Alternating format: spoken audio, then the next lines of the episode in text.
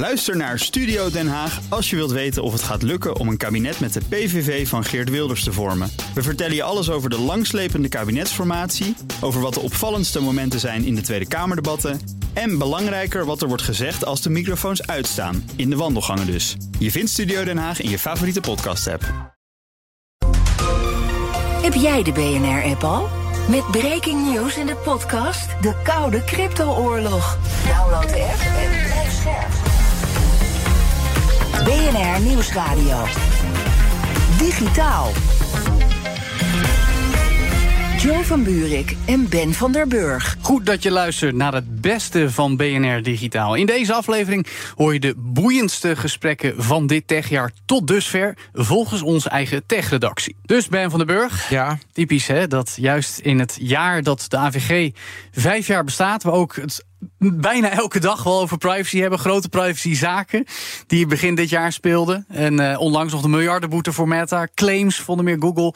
En bedrijven die gewoon bang zijn om nog dingen hier te doen. Vanwege hoe wij met privacy omgaan Ja, dus hoe sterk zijn wij tegen de, de. Weet je, hoe sterk is Europa tegenover die grote techbedrijven? Wat interessant is, Joe, Hmm. hoe zo'n wet zich ontwikkelt. Ja? Als je kijkt, vijf jaar geleden, weet je, dan mochten bij een sportclub mocht je geen foto maken. Alle sportclubs waren in paniek een foto maken van, van, eh, van kinderen die aan het voetballen zijn.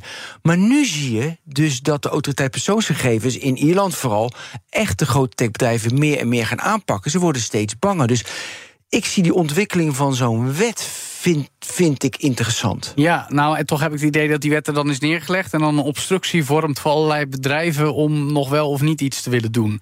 En dan vooral als het gaat om Amerikanen in Europa. Ja, dat dat we in de tussentijd niet hebben gehad... Hè, met bijvoorbeeld Google Bart, waar we lang op moesten wachten. Ja, maar er werd al helemaal in het begin gezegd dat die, die AVG is ook heel erg bewustwording. Dat de Europese burger bewust wordt van zijn, van zijn privacy. Ja, en dat dat is wel gelukt. Ja, en dan ben jij er vooral over aan het klagen... dat je bepaalde nieuwe Ja, technologie kan schandalig.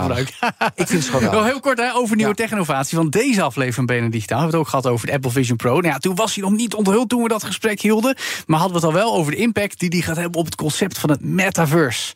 De metaverse, dat wordt het nieuwe, Joe. Metaverse wordt alles. Dit gaat alles We verslaan. leven weer in We leven in 2020. 20 Laten we weer hoop hebben. Laten we weer geloven in de toekomst. Metaverse. Nee, het, het, het gaat langer duren dan we allemaal willen. Maar ze altijd met technologie. Precies. Eh, Stel nou lang. wat als toch. En hè? uiteindelijk, uiteindelijk, weet je, komt er wel een versie komt eruit. Een maar concept. hoe precies, dat zijn we nu aan het ontwikkelen. Precies. Nou, en daar kun je naar luisteren. Ook in dit geval in enkele van de beste gesprekken die we dit jaar hebben gevoerd in BNR Digitaal.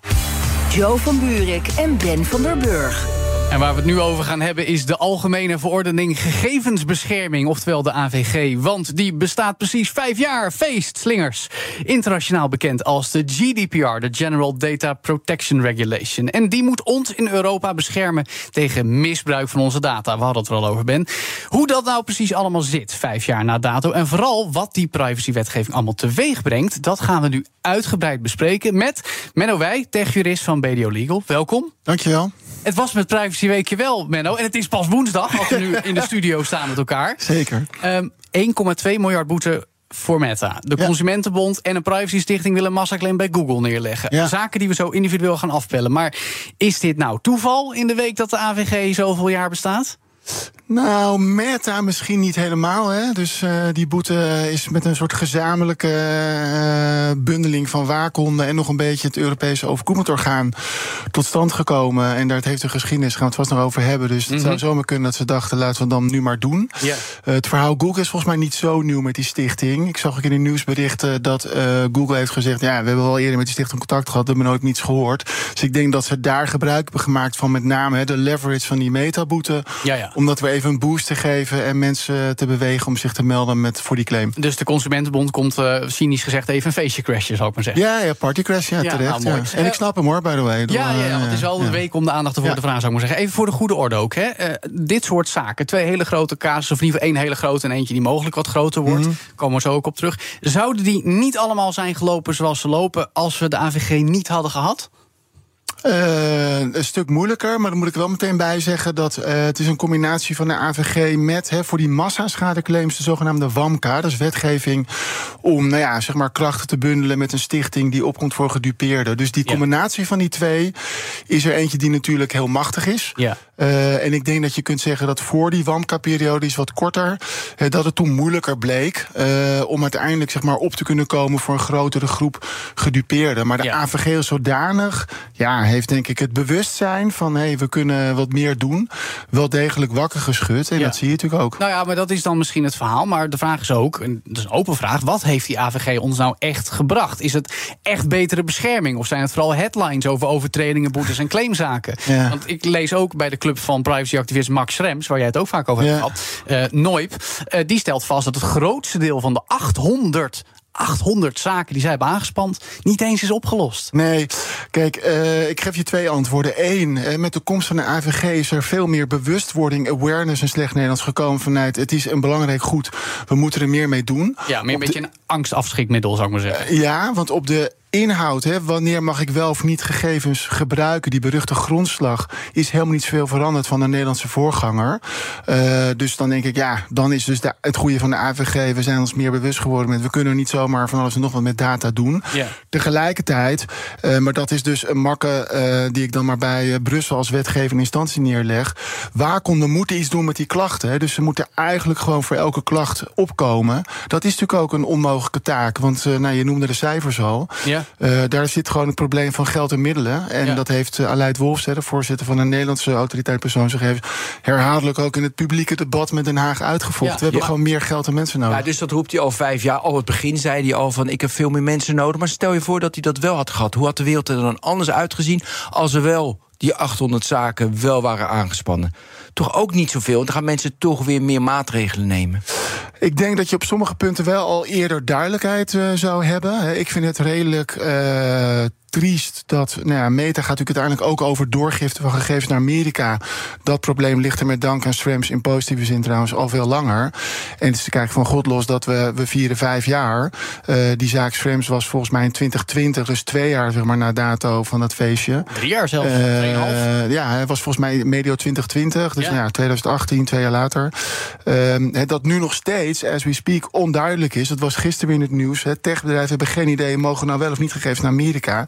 Ja. Kijk, dat is niet goed. En hadden we waarkonden gehad met wat meer middelen. Er ligt nog steeds een klacht van Schrems ook hè, in Nederland over Google Analytics. Hetzelfde probleem. Ja. Gegevens van Google gaan hè, door Europa naar Amerika Ja.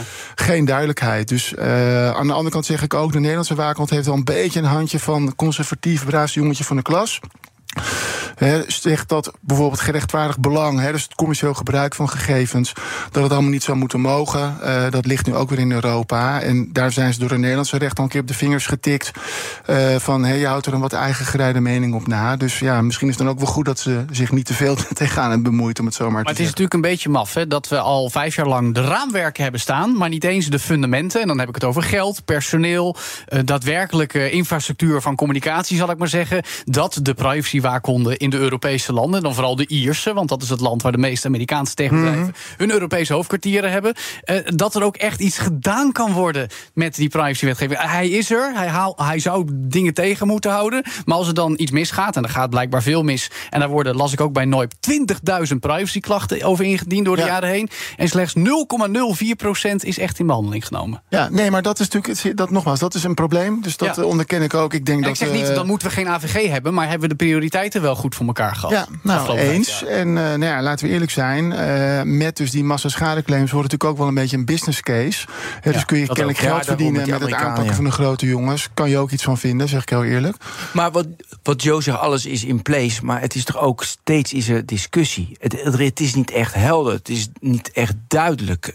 Van wanneer mag, weet je, wanneer mag je wel met je persoonsgegevens iets en niet? Of vind jij dat wel duidelijk? Nou, kijk, sowieso, hè, eh, in de juristerij vraag iets aan 10 tien juristen. Je krijgt meestal meer dan tien verschillende Ja, antwoorden. Hè. mooi. Dus inherent is interpretatie. Dat vind ik het mooie van mijn vak. Maar ik begrijp heel goed dat als je aan de andere kant zit... dat je Oh, dat als je misschien vervelend bent, vindt. ja, is dat vervelend Ja. soms. Ehm, dus ik snap je punt wel degelijk. Kijk, ik denk in de basis dat het fenomeen AVG die zegt... we moeten het hebben over persoonsgegevens, we moeten het hebben over verwerken... en je hebt zeg maar een grondslag nodig om iets met die gegevens te doen. We hebben dan nog een stukje doorgifte en beveiliging. Dat is in de kern, denk ik, waar het een beetje om gaat. Dat dat redelijk staat. En het recht is altijd in ontwikkeling. Hè. Dus daar waar je mij een paar weken geleden iets had gevraagd... over wat is nou een persoonsgegeven? Nou, dat is iets wat indirect herleidbaar is. Dat is vrijwel alles. Dus heel snel persoonsgegeven. Is er nu gelukkig vanuit Europees niveau weer een uitspraak die zegt: nee, dat moet je toch wat relatiever zien. En afhankelijk van degene die over die gegevens beschikt, als die niet al te makkelijk het kan terugherleiden indirect, is het misschien toch weer geen persoonsgegeven. Dat vind ik dan wel weer goed nieuws. dat hele die ontwikkeling gaande is. Hè? Ja, maar als het niet al te makkelijk. En dan krijg je dus weer discussie over niet al te makkelijk. En daarom zijn er 20.000 privacyklachten en slechts 0,04% in behandeling. Ja. Want dan krijg je niet al te makkelijk. Ja. Daar krijg je een discussie over. Dat begrijp ik, maar dan zeg ik wel: dit vind ik het mooie van het recht. Recht loopt altijd achter feiten en technologische ontwikkelingen aan. Ja. Eh, dus het is van belang dat je hè, technologie onafhankelijk ook probeert wetten te maken. Dat is niet altijd even makkelijk. Maar je wordt door ontwikkelingen, is er voortschrijdend inzicht. De Hoge Raad in Nederland zegt ook wel eens: we hebben tien jaar geleden zus geoordeeld over iets. Nou ja, en vanaf nu zien we tien jaar later iets anders. en Een koersverandering. Ik Ja. denk dat dat alleen maar goed is dat juist die ruimte er is voor rechtsontwikkeling. Ik vind het hele fijne nuance, maar dan gaan we ook naar de beeldvorming van deze week. Want die boete voor Meta komt van formeel gezien de Ierse waakhond. Een som van 1,2 miljard euro. Ja. We zeggen het nog een keer. Mede opgelegd door het Europees Comité voor Gegevensbescherming, de EDPB. Wegens, en zo formuleert Schrems Club het dan ook even keihard, 10 jaar aan illegale massasurveillance. Dus het vergaren en verkopen van data. Nee, dat zijn zijn woorden. het groot, maak het Dat groot, zou snap ik. willens en wetens Tuurlijk, zijn dat zijn door, door die Ja. Ja. Is het volgens jou terecht dat het dan zo wordt geframed ook? Nee, nee, niet. Ik, ik, ik heb Max Schrems best hoog zitten. Hij eh, eh, komt echt wel met principiële dingen. Maar het onderliggende probleem met Meta, eh, wat ik eerder ook al zei in die andere Google Analytics uitspraken, is als we met Amerikaanse big tech te maken hebben, of ze nou hier vestigingen hebben met een Europese omgeving of cloud werken, zij spreken met zichzelf onderling af met Amerikaanse hoofdkantoor of broertjes of zusjes. Om omstandigheden moeten wij gegevens daar naartoe brengen. Soms omdat daar wetgeving is die dat verplicht aan een Google Amerika of een Facebook, eh, soms vrijwillig. Dat is wel een belangrijke nuance. Maar daar kunnen die Amerikaanse entiteiten van die big tech niet zoveel aan doen. Want zij moeten daar gevolg aan geven. En wij hebben gezegd met de AVG... ja, we gaan hele strenge eisen stellen aan doorgifte... en het mag alleen naar landen waar dezelfde bescherming is. En het probleem is, Amerika heeft niet dezelfde bescherming... volgens dus ook het Europees Hof... als het in de AVG staat. Ja, dan vind ik het dus niet eh, terecht te zeggen... ja, massasurveillance, dit en dat... Amerikaanse entiteiten van de big tech zijn gebonden aan wetgeving daar. Die kunnen daar helemaal geen klap aan doen. Nee. Maar Eh, en als die dat moeten geven op straffen van, snap ik dat zij zeggen: krijgen een bevel met haal het maar even uit de Europese cloud. Eh, Kom erop met die spulletjes. Ja, maar dan snap ik niet waarom dat kernprobleem dan niet wordt opgelost. Want nu. Dat snapt niemand, Ben. Daar, maar daar heb je volkomen gelijk in. Ik, vind het, ik heb het volgens mij maandag hier nog gezegd. eh, Ja, je in zegt de het Daily vaak, Move. dit- Eh, het, is natuurlijk, het is echt een serieus groot probleem. En het is idioot dat we dus niet weten of het wel of niet kan. Ik zeg dus het kan dus duidelijk niet als Meta nu hè, als een soort van eh, v- voorbeeldsetting 1,2 miljard aan zijn broek krijgt. Maar die hebben echt een stinkende best gedaan om met dat heet er dan standard contractual clauses, hè, dus contractuele clausules om zeg maar dat probleem proberen te dichten. Ja. Eh, om, om dat op te lossen. Ik denk niet dat zij dat expres hebben gedaan en alleen maar eh, willen handelen in surveillance. Daar zit mijn nou ja, nuance pijn, op ja. Ja, ja. Ja, maar dan even, dus nu is het dus die data niet naar Amerika. Nou, die wet heb je net uitgelegd. Maar sowieso de privacy schending van Meta, is dat nog, want daar zijn ze niet voor veroordeeld. Maar is dat nog wel een zaak volgens jou?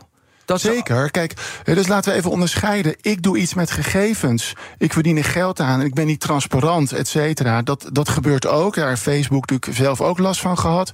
Cambridge Analytics is denk ik nog steeds iets dat best wel heftig is. Hè. Dus dingen met data doen en daar zeg maar niet conform de privacywet, hè, met name die grondslag, dat niet goed inrichten, terwijl je dat ook weet, vind ik iets is fout, is fundamenteel anders dan Ja. hè, wij moeten onder omstandigheden gegevens naar Amerika kunnen brengen. Daar zit voor mij een verschil tussen die waarom twee. heeft de, eh, de, de Ierse waakhond dan die, eh, die overdracht van die data voor, veroordeeld en niet de privacy schending? Omdat volgens mij hier de klacht uh, van Schrems oh, was in deze was zaak dat nou- is nee. die doorgifte. Hè. Dus Ja, Komt dan dat weer, is komt er dan weer een nieuwe zaak voor, ook voor de privacy schending? eh, ongetwijfeld de lopende. Hè. Dus Consumentenbond heeft al Ja, dus met succes een rechtszaak in Nederland. Eh nou, ja, daar kan je natuurlijk ook weer wachten dat er een massaschadeclaim achteraan gaat. Ja.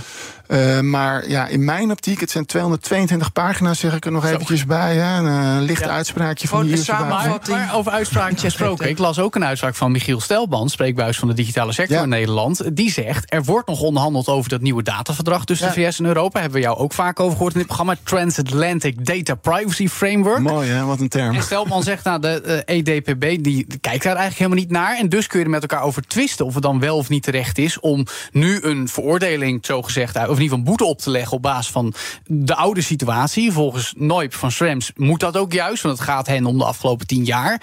Ehm, dit voelt toch als een soort tussen welke papieren tijger gaan we kiezen? Ja, ja, nee, absoluut. Eh, kijk. Europa heeft tot twee keer toe geprobeerd om zeg maar deugdelijke afspraken te maken conform de AVG met Amerika. Ja, Mark Schrems shield. Precies. En daarvoor dus hè, de Safe Harbor Agreement. Schrems heeft tot twee keer toe voor elkaar gebokst dat het Europees Hof heeft gezegd: jammer Europa, maar die afspraken met Amerika hè, die zijn dus niet geldig. Eh, dus zit je daar met een vacuüm.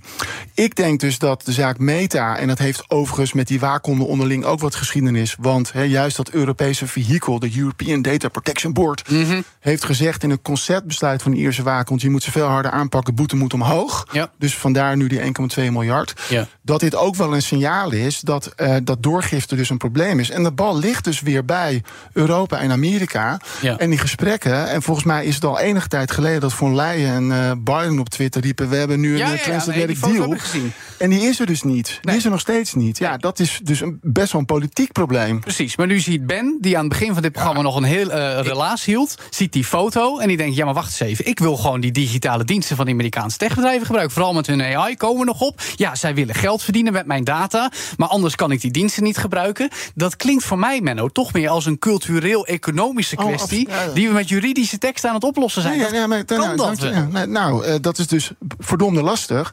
Want eigenlijk verlangen wij dus als Europa dat Amerika maar even wetgeving maakt en in de pas gaat lopen met onze normen. Ja, dat is het dat. onderliggende probleem. Ja. En Biden heeft met die executive order echt wel zijn best gedaan. Maar wat is het? Twee weken geleden heeft het Europees Parlement gezegd. Even mijn eigen bewoording. We hebben dat Schrems 2 arrest nog eens goed gelezen. Daar staat toch echt. Je moet bij een onafhankelijke rechter terecht kunnen. En de NSA's van deze wereld voor dat gerecht kunnen slepen. In die aangepaste afspraken is dat nog onvoldoende geborgd. Dus begin maar weer opnieuw met je derde poging om tot een Dit, afspraak dit te voelt als een kastje naar muur en terug naar muur en kastje. Nou, het is, het is een geopolitiek probleem. En kijk, wat ik me afvraag is... waarom vinden we het zo belangrijk dat exact hetzelfde zeg maar, waarborgsysteem... moet gelden vanuit AVG of GDPR in andere landen? Zit daar niet gewoon een beetje ruimte met ook wat respect voor... dat een ander land hier en daar hè, een iets andere democratie heeft... en er iets Nou, anders geef eens tegenaan antwoord kijkt? daarop.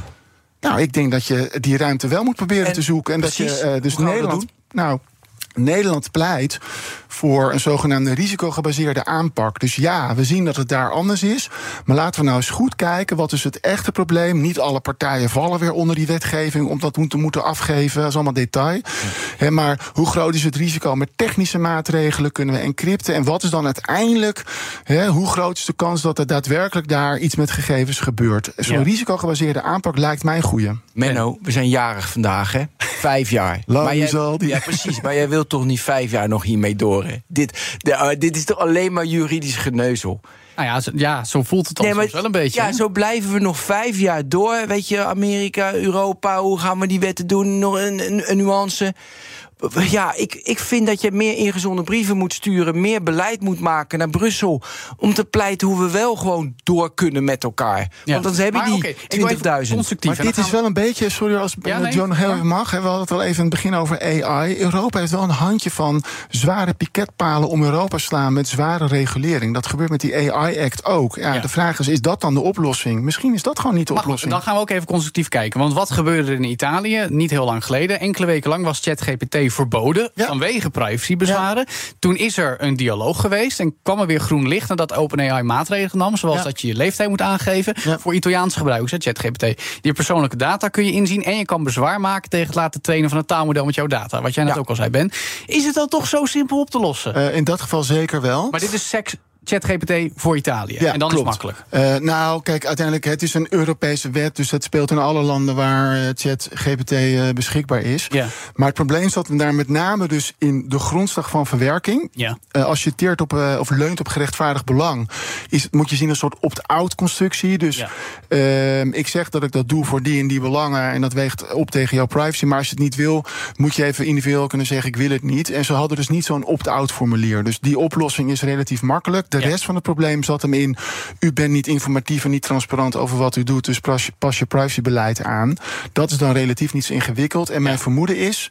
Diezelfde Europese vehikel, hè, die European Data Protection Board, heeft meteen een taskforce opgetuigd om Ja. dit in de gaten te houden. Maar het schijnt ook dat er wat belletjes zijn gepleegd naar de Italiaanse waakhond met waar zat nou het probleem. En dat het dus inderdaad ook niet zo'n groot probleem was als dat zij vonden. Maar en is zo dus wordt verbod weer opgeheven, om het Zo zo maar te, te zo zeggen. te horen wordt er geleerd.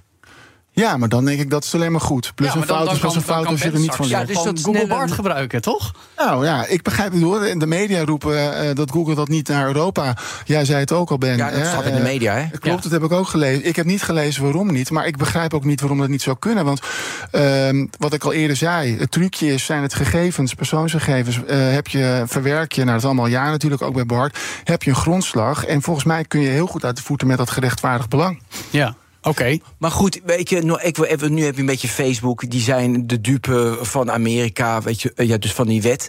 Maar ik pleit er natuurlijk wel voor dat ze wel transparant zijn. En dat ze mijn Tuurlijk. data... d- Daarom. En, maar daar voldoen ze toch allemaal aan als het in Europa zou blijven? Of ook niet juist? Nou, Facebook is wel herhaaldelijk op de vingers getikt. ehm, eh, van hey, je bent ook niet transparant, het is niet makkelijk te vinden. Ja, ik moet je her dat? en her, een beetje de paarse krokodil, maar dan digitaal. Ja. Facebook heeft natuurlijk dingen gedaan die het daglicht niet kunnen verdragen. Daar heeft Google zich ook wel schuldig aan gemaakt. Alle techreuzen veel gelijk. maar doen ze Microsoft toch, ook, ja. Blijkt toch dat er dingen aanstaan met afluisteren. Zelfs Apple is daar wel eens van beticht. Hè. Dus Mm.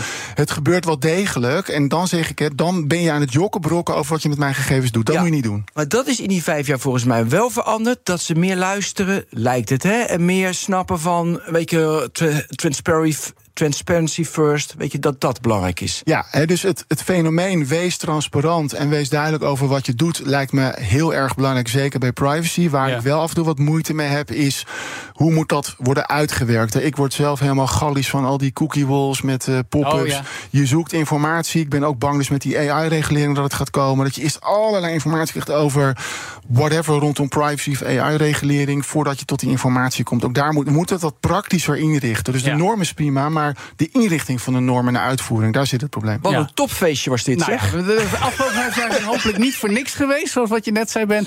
Maar eh, zo te horen hebben we er zeker nog vijf jaar nodig om enigszins in de buurt te komen van een situatie die echt goed werkt. Zeker. Dank, Menno Wij, techjurist van BDO Legal. En straks hoor je in BNR Digitaal of Matter met update versie 1.1 echt de belofte als standaard voor smart home artikelen inlost. En we gaan praten over virtual, augmented en mixed reality, oftewel extended reality. Blijf luisteren.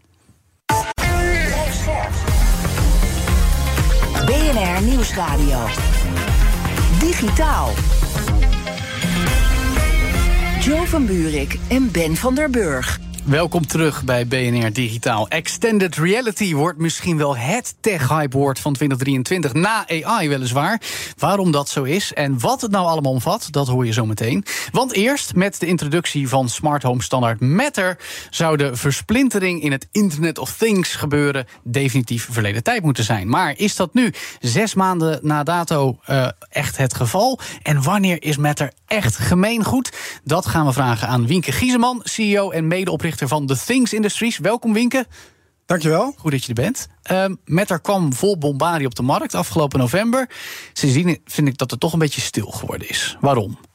Ja, dus de uh, Matter-standaard is gelanceerd. Even heel kort. Matter is een uh, standaard die is afgesproken door alle partijen die uh, smart home producten leveren. Zoals een slimme deurbel. Of een, ja, van Apple tot Google tot ja, Ikea zelfs Bosch, volgens mij. Noem maar op. En die hebben gezegd, nou laten we dan toch voor zorgen dat alle apparaten van ons met elkaar werkt. Ondanks Ja. dat we concurrenten zijn. Dat is in een alliantie afgesproken en de standaard heet uh, Matter. Ja. En, en ehm, eh, de, de, ik heb ook hè, nu een jaar nadat het is aange, uh, aangekondigd uh, gezien dat er een aantal ja, publicaties zijn over van ja, het gaat niet snel genoeg. Mm. Maar um, het is een standaard. Ze zeggen ja. wel eens: als je snel wil gaan, moet je alleen gaan. En als je ver wil komen, moet je met z'n allen. Ja. Maar dan ga je niet snel. Nee, die snap ik. Ja, dus, dus één jaar na de introductie dat, je, dat er nog maar 1350 devices zijn die het ondersteunen. En de grote vier, dus dat is Samsung, Apple, Amazon en um, uh, Google, geloof ik. Google, ja. ja. Uh, dat die het al als platform hebben geadopteerd, dat is al heel wat. Ja. Uh, dus ik vind eigenlijk dat 1350 devices en, en de tractie die het heeft, ik vind het eigenlijk best wel indrukwekkend. Nou, ik vind het totaal niet. Oh, niet Ben? Oh, nee, goed, je hebt, nee, maar je hebt een chat GPT heb je nou. Je hebt gewoon iets nodig van die 1350 dat Amazon met Google praat. Dat gewoon iedereen heeft van, nou, nou nu kom ik niet meer onderuit. Welk, welke van die 1350 is dat dan? Of komt het nog? Ja, nou, dus je hebt wel de massa van die 1350 nodig om er, eh, om er eentje uit te, uit te, uit te vissen. Uh, maar de, de, de verwachting van, van Matter is niet dat het voor de, voor de consument heel veel beter wordt. Het is dat het eigenlijk dat je naar een nieuw platform gaat waar dat op gebouwd kan worden. Ja. En ik zie niet zo heel snel daardoor nieuwe producten of nieuwe applicaties uh, mogelijk. En ik denk ook niet dat dat de verwachting is. Hmm. En, um, um, uh, en, en vanaf nu zou je zien dat uh, dat, dat juist die volwassenheid toeneemt. Dus Philips gaat de ondersteuning bieden. Uh, uh, die, die, die, die grote vier die, die, die zorgen dat het steeds naadlozer werkt. Ja. Um, en, en dan gaat, gaat, het, gaat het wel komen. Ja. Maar uh, en, en doordat je dus zo'n platform hebt en doordat dus de API's en de, de, de, de hoe je ermee met het platform uh, interface generiek is voor al die platformen, gaat er ineens een app developer komen en die gaat soort van ja, maar dat daarmee al, komen. Ja, maar dat had een half jaar geleden al moeten gebeuren. Dus dat is een beetje de tegenvallen. Dat er niet meer developers op Meta gingen bouwen. De, nu, 1350 is veel, maar er zijn allemaal leuke speeltoeltjes, hartstikke goed. Maar niet iets fundamenteels. Nee, dus, dus, dus dat. Ik denk ook niet dat het. Het zou niet mijn verwachting zijn dat dat door die Matter uh, zou komen. Ja. Uh, maar wat, wat mijn verwachting wel is, als je naar open standaarden kijkt of naar open source, en dat je uh, dat, dat, dat je dat doordat je het openstelt, andere of soort van niet verwachte partijen ineens er iets op kunnen, kunnen maar gaan is dat een verwachting of zijn er ook echt wel afspraken of aankondigingen over gedaan? Want anders is het nou hopen dat ze inderdaad komen. Ja, dat dus, dus, build en they will come. Ja, ja, is dat zo? Ja, dus dan build it and they will come. Dus degene die het bouwen, dat is een open standaard. Dat is een soort van open source. Nee, dat snap dus ik. Die, die, die, die, daar, daar zit die, die, die doelstelling niet in. Nee. Uh, het is een soort van verwachting dat als je technologie opent, mm -hmm. en zoals een App Store opent, dat het komt. Ja, maar Winke, jij weet als een van de beste dat je ook een community moet stimuleren, dat je voorbeelden moet laten zien. Ja, ja nou, wat ik, wat ik er dus heel sterk aan vond, het is niet dat ik hier Matter verdedig, want het is een nee, nee, je wel, hè? Dat doe je nu wel. Dat, nee, we proberen te beschouwen hoe we Matter moeten zien. Nee, nee, dus we moeten het zien als een open standaard gegeven. Wat ik, wat ik juist heel erg interessant vind, er, is een, er zijn uh, hele kleine uh, wifi-moduletjes. Ja. Uh, dat, dat is de ESP32. Nou, de, ga niet in de technische details. Maar er zijn dus allerlei tools voor developers die met Matter en de, dat developer-ecosysteem aan de slag kunnen. Okay. Dus ik, ik denk juist dat het, dat er dus dat, er, dat het dan. Het moment dat die die soort van die core-platformen van de grote vier echt volwassen zijn, dat het Matter goed ondersteunt. Ja, ik denk dat je een soort van voedingsbodem hebt voor, voor heel veel. Um, en uh, een scenario waarbij ja, iedereen het wel prima vindt dat, dat, dat je gewoon lekker je Philips Hue lights bij Philips hebt. Ja, maar goed, dat, ik, dat zou ook kunnen snijden. Ik begrijp ook dat Signify, notabene de fabrikant van Philips Hue lampen, zegt we wachten met ondersteuning tot anderen overgaan. Dat voelt toch een beetje kip Ja. en ei. Dus, dus je moet toch iets doen vanuit in ieder geval de partijen die wel vertegenwoordigd zijn binnen Matter, om die andere partijen ook binnenboord te sleuren. Ja. Toch gebeurt dat wel of is dat echt afwachten? Nou, ik denk dat het soort van die quote, ik had hem ook gezien. Mhm. Ehm, dus ik had hem eh, meer gelezen als dat eh, wat Philips zei, is dat ze wachten tot de, de, de platformen, de dominante platformen, ehm, eigenlijk eh, net iets volwassener zijn met de Matter-implementatie. Ja. En niet zozeer dat ze wachten tot, tot andere. Dus dat is meer een soort van vraag: wanneer is het volwassen? Ja, maar dus dan zeggen ze dus eigenlijk... we wachten tot de partijen die het dan wel doen... het nog serieuzer nemen. Dus dan gaat er alsnog een ja, bepaalde dat is, ja, dat is niet, niet helemaal hoe dit soort software werkt. Want dat gaat altijd iteratief. Dus het, is, het, is niet, het is niet dat als het nu niet werkt, dat je het niet serieus neemt. Want, want dat soort bedrijven doen elke week een nieuwe release van hun Ja. smart home platform. Dus, ehm, dus je ziet wel die, die tractie. En ook, ook onlangs weer dat, dat er weer een aantal echo devices dat doen. Dus een soort van. Ik, eh, een soort van mijn. Zoals ik het zie, is dat, dat, dat zo'n open platform gewoon langer doet om te adopteren. Ja. En dat er ook een aantal soort van volwassen eh, cycli zijn waarin het volwassener wordt. Ehm, de, eh, de, de, de vraag blijft natuurlijk nog steeds, en dat heeft niks met Matter te maken, van hebben we meer smart home categorieën, producten nodig? Ja, nee, want ik, Ehm, ik las bijvoorbeeld op de Verge... robotstofzuigers nog niet eh, ondersteund. Veel huishoudelijke apparaten niet. Garagedeuren, camera's niet. Kijk, die eerste die ik opnoemde vind ik niet spannend... maar camera's, dat vind ik toch wel significant belangrijk... smart home categorie. Ja, dus, dus dat is de belofte dat er eh, nieuwe hè, eh, device classes komen in volgende releases. Ja. Ehm, ehm, en, en dat zal een soort van ook eh, iteratief gaan. Ehm, eh, dus ja, dat is heel erg de vraag. Maar ik denk dat dat is een soort van. De vraag ook daar, daarvoor nog is van, is er behoefte aan? Nou ja, en, en dit soort dingen wel, dat is, dat is helder. Maar Ben die, die is op zoek naar de, de, de, de next inflection point. En wanneer Yes. die, die wil, die wil de, de next next thing. Ja, ja, misschien is dat er wel helemaal niet zo Nee. met smart home. Want, want ja, jij wil, jij wil praten met je huis. Maar, maar heel, veel, heel veel mensen die hebben gewoon met hun consumentengedrag laten zien dat ze helemaal geen Alexa willen. Nee, precies. Want dit, is, dit ben ik. Ja. Ik heb nauwelijks smart home artikelen thuis. Ja. Semi-bewuste keuze. Gewoon ook nooit echt aan begonnen. Ik ook Ehm, niet, ja. Nee, ja, goed. Maar dan, dan dus toch, eh, eh, is er dan een reden met Matter... en wat het mij mogelijk gaat maken om er wel over na te denken. Juist omdat ik me nu niet meer hoef door, eh, te laten tegenhouden... door het idee, ja, maar dan moet ik alles van hetzelfde merk hebben. Want dat is juist hetgeen wat Matter zou oplossen. Ja, nou ja, Amazon heeft niet voor niets echt duizenden mensen uit hun devices-divisie ontslagen. Eh, en eh, ze hadden ook wel een absurde hoeveelheid verschillende echo's en verschillende devices. Dus, eh, dus die, zien, die zitten daar dicht, dicht bovenop. Dus dat kan. dus ik denk dat we veel eerder in een soort van. convergerende fase zitten. En dat, daar hoort een open standaard ook bij. Ja, doe maar gewoon de dingen die we doen beter en meer, meer interoperable. Ja. Dan dat je ja, de droom van Ben. Van, Nou ja. van, eh, van eh, eh, tot uit. en, en ja, dat, die komt er wel, Ben, maar misschien Nou, wel even wachten. Kijk, we moeten constateren dat weet je, Amazon wilde het huis ownen en Google wilde dat en Apple wilde dat. En nu komen we langzaam tot de conclusie dat heel veel mensen het helemaal niet willen. Toch? Dat hele, dat hele huis helemaal smart. Dat denk ik ook, Maar ja. dan moet je wel een paar, bijvoorbeeld je, je garagedeur. Dat is hartstikke lekker als je dat hebt. Ja, en, en als je in één keer dat Google al je lampen aan of uitzet, vinden heel veel mensen hartstikke makkelijk. Ja. Nou, en wat mij opvalt, het wordt heel erg vanuit, weet je, de community wordt het opgezet. En ik verwacht vaak, wil je toch een doorbraak, heb je ook gewoon dat Apple zegt, weet je, we gaan voor die standaard of Google, grote partij, en we beuken dat de markt in. Ja, maar dat- ook, eh, Apple heeft dat ook eh, met wifi gedaan en met Bluetooth. Dus dat was er al. Dat hebben ze toen omarmd. En door hun eh, invloed is het van hogere kwaliteit geworden. Nou ja, jij bent waarschijnlijk een van de eerste eh, in Nederland geweest die Bluetooth headset had. eh 15, 20 jaar geleden. Die werkte voor geen meter toen. Nee. Nee, dus, en dat heeft echt wel heel erg lang geduurd voordat die van, van, van, van kwaliteit waren. Dus ehm, ik denk dat het nog langer gaat doen. Dus die kwaliteit wordt beter. Gaat dat dan ook een en- enorme doorbraak waarbij we een soort van hologram assistants en een soort van ja, gewoon dingen die we misschien nu met elkaar niet kunnen, kunnen soort van eh, Bedenken. bedenken. Ja. En misschien dat AR daar wel een, re- een, een rol in gaat hebben? spelen. Dus dat, Zeker. dat, dat misschien is dat wel hè, die aankondiging van Apple waar jullie het zo over Ja. gaan hebben. Ja. Misschien wordt dat wel Ja, een maar doorbraak. Wienke, ik ken jou heel lang en we spreken hier ook al heel lang over. Het is altijd afwachten, kijken, afwachten, kijken. Altijd teleurstelling is. Nee, het nee, nee, maar ik wil niet. tele- Nee, nee, tot slot. Ik wil niet zeggen teleurstelling. Is dit gewoon de realiteit? En is het goed? En, en, en moeten we gewoon zeggen: het is goed dat Matter Ja. 1.1 Ja. er is. Er zijn wat bugs opgelost.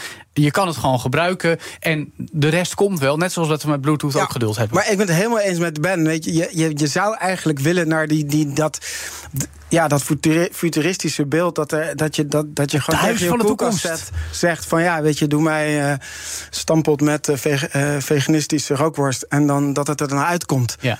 En daar willen we naartoe. Maar uh, ja, ik denk dat we toch nog even moeten wachten. Ben. Tot die tijd moet je ChatGPT gewoon op de ouderwetse manier tussen aanhalingstekens vragen hoe je dat gerecht moet bereiden bent. Precies, dus dat is ook goed. Dank Wienke Gieseman, CEO en co-founder bij The Things Industries. Joe van Buurik en Ben van der Burg. Ja, wie uh, herinnert zich de term metaverse nog, nog, nog? Nee, dat is flauw. Want in 2022 was het misschien wel een van de spannendste tegenonderwerpen. Ook voor de hele industrie en aandeelhouders her en der. Maar toen kwam ChatGPT op afgelopen najaar. En inmiddels is het AI wat de klok slaat toch zitten bij het grote Meta en zelfs het nog grotere Apple de mensen niet stil als het gaat om virtuele werelden. Maar dan op een iets andere manier, een uitgebreidere, allesomvattendere manier met extended reality. Wat is dat en wat gaat het verder doen? Dat vragen we aan Aragorn Meudendijks van It's Mr. Metaverse. Welkom Aragorn. Dag jongens. Goed dat je er weer eens bent. Ja, heerlijk. AI domineert het techgesprek hè, dit jaar, maar gaat XR daar verandering in brengen? Of zit het nog te veel op de achtergrond en blijft het zo, denk je? Ik proef een beetje alsof je die twee dingen als heel verschillend ziet. Nee, ja, volgens jou zijn ze verbonden? Ja, volgens mij is het allemaal één in hetzelfde. Nou, leg dat even in een elevator pitch aan ons uit. De singularity. De singularity. Dat, je blaast, blaast gelijk oh, over. Dat zeg je zonder okay. te lachen. Nee, nee, maar goed, is, is, is juist het feit dat dit het jaar van AI is... volgens velen ook de reden dat extended reality als verzamelterm... van augmented virtual en mixed reality nu weer op kan komen? Nou, kijk, uh, ja, dat, dat denk ik sowieso. Maar ik denk dat het ook belangrijk is om ons te realiseren... dat je hebt natuurlijk orders van uh, aandacht en hype. Ja. En net omdat... We hebben dit jaar gewoon of althans, eigenlijk is het vorige jaar begonnen met de lancering van ChatGPT natuurlijk. Ja, en zelfs DALI natuurlijk in mid-juni. Hè? Exact, dat, goed, dat was al een tijdje bezig. Maar Ja. de echte, echte klapper was natuurlijk 30 november toen ChatGPT eh, eh, kwam. En toen in één keer in januari, anderhalf maand later, al 100 miljoen gebruikers. Ja. We hebben natuurlijk nog nooit zo'n ontwikkeling gezien van die weerga. Dus daardoor staat alles natuurlijk in de schaduw. Maar als je kijkt naar de ontwikkelingen in de industrie, in de ontwikkelingen in immersive technology heb ik het dan over. Dus niet specifiek alleen AR, maar ook de software die erachter zit. Nvidia's processing ook in de cloud en het verbetering van GPU's, et cetera. De ontwikkeling van de engines, Unreal Engine in Unity en Ja. de integratie die die nu zien, bijvoorbeeld van ChatGPT, waardoor het in één keer veel makkelijker wordt om assets te bouwen. Echt, die ontwikkeling is dubbel exponentieel. Alleen, ja, omdat ChatGPT zo gigantische indruk heeft gemaakt op mensen, lijkt het alsof dat allemaal een beetje weggevallen Nee, is. eh, jij zei net singularity, dat is misschien een te groot superlatief. Maar convergentie kunnen we het zeker noemen. Er komen allerlei technische, technologische ontwikkelingen tegelijkertijd samen. Waardoor we nu kunnen zeggen: hey, dat eh, hele virtuele werelden, maar dan niet afgesloten met een virtual reality bril, maar zeker met augmented reality. Dus dat het allemaal iets meer geïntegreerd in onze fysieke wereld is, zoals AI dat nu ook probeert te doen. Ja. Dat is nu opeens weer heel erg top of mind. Ja, ik denk, ja, ik denk dat dat eh, een vogelvlucht gaat nemen. Kijk, Wienke was hier net en eh, Ben heeft hem natuurlijk weer het vuur in de schenen gelegd. Maar ik zie echt een, een gigantische doorbraak weer. Kijk, exponentiële groei. eh, het, het is die waterlelies in de vijver. Vier dagen voor het einde van de maand is er nog maar eh, een achtste van die vijver eh, vol. En, en dan in één keer in vier dagen tijd, bam, die hele vijver vol. Dat is ook wat we nu zien met technologie. Ja. AI superpowered bijvoorbeeld ook eh, de, de, de, de IoT, hè? De, de, de, de smart, Nou ja, smart home devices. wilde. Maar Ben, hoe Ja, kijk jij naar XR? Nou, ik wil inderdaad even naar XR. Ja. Nou, kijk, het, naar mijn idee is een issue met XR... is dat de gebruiksvriendelijkheid... want ChatGPT werd groot gebruiksvriendelijkheid... Da, daar ontbeert het aan. Kijk, ik heb best wel een grote bril... en zit daar gelijk een AR-laag voor. En ik kan heel makkelijk eh, zien eh, wat de, de details zijn van het verkeer bijvoorbeeld. Dan denk ik, ja, top. Maar Jij wil die projectielaag van informatie graag Doe, dat- ik snap gelijk dat dat een use case is. En eh, nu heeft Apple aangekondigd dat het wordt pas 2025. Ze gaan eerst in mixed. Nou, dan ben ik weer. Toen weet ik, moet ik echt weer een bril opzetten. Nou, hij is heel erg duur.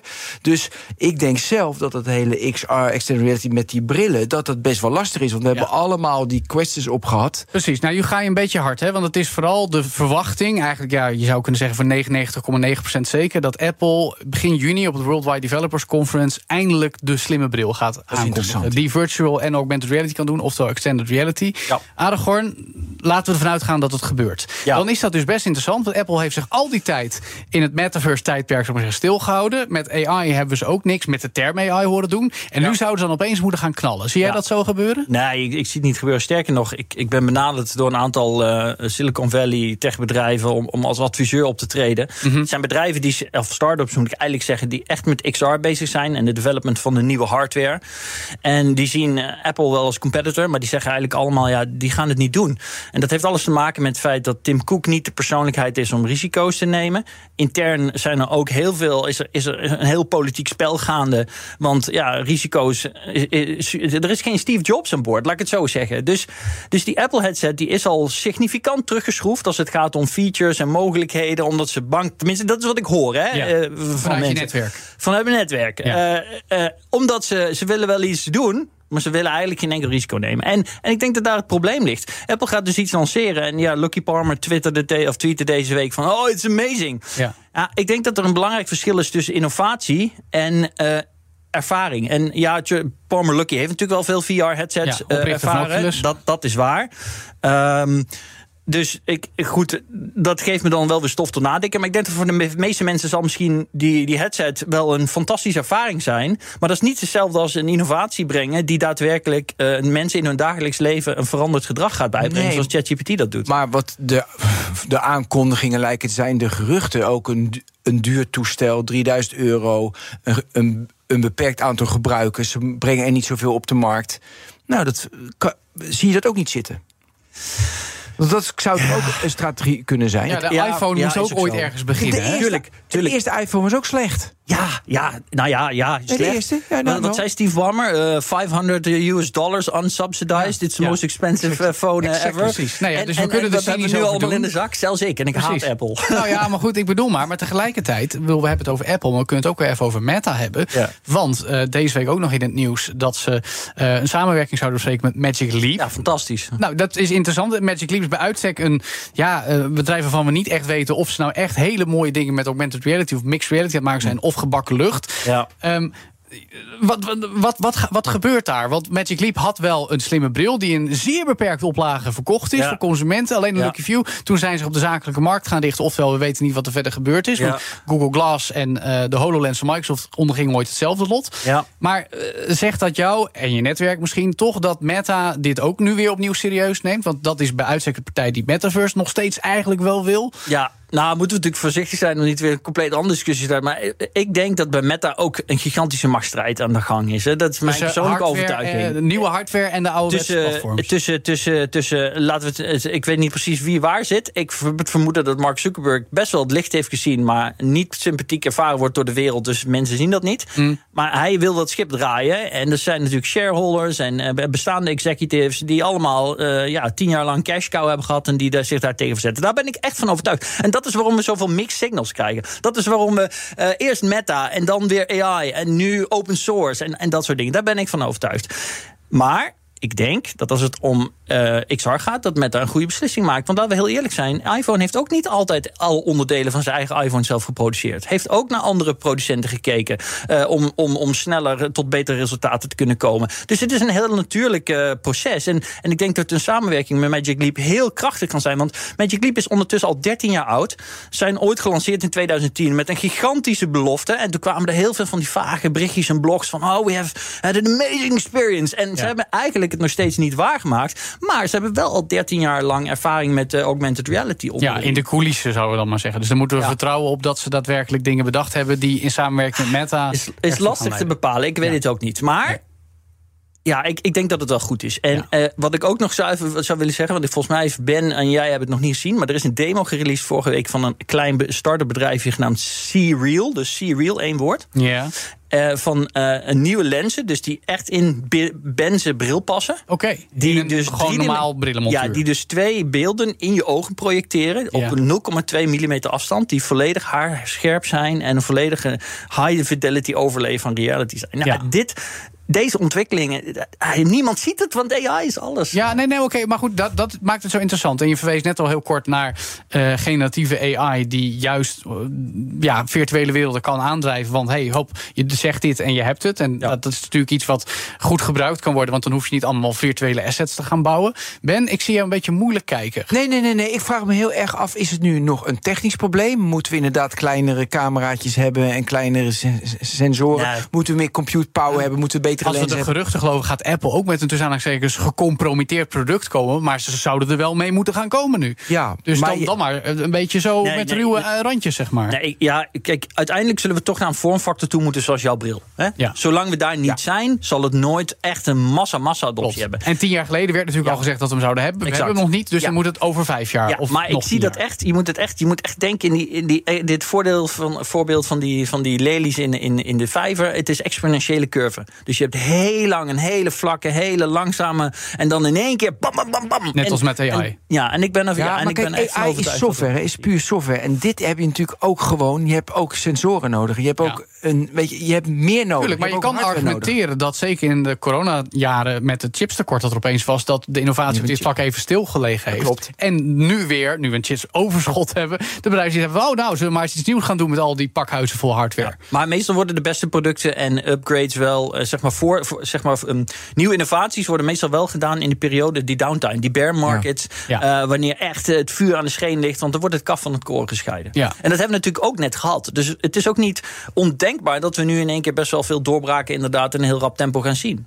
Ja, oké, maar dan goed. Eh, dit is het jaar van AI, daar gaan we niet meer aan ontkomen. Gaat dan 2024, ik heb Ben als eerste aan, het jaar van Wel XR nee. worden? Nee? wel, nee, want ik ben er dus wel van overtuigd dat we. Jij wil het wel. Ik wil het heel graag, maar dat, er- omdat er hardware-elementen zitten, is die exponentiële groei lastiger. Ja. En ik heb juist de combi, wat natuurlijk een iPhone of een, of een Apple Watch. Ja, ja, of een watch. Die hebben die combi. En ik zie die combi Maar nog eh, niet. heb je al een Qualcomm Snapdragon op je hoofd gehad dan? Nee. Oké, want ik bedoel, het is nog net niet de vormfactor van jouw bril. Dat, dat, dat is waar.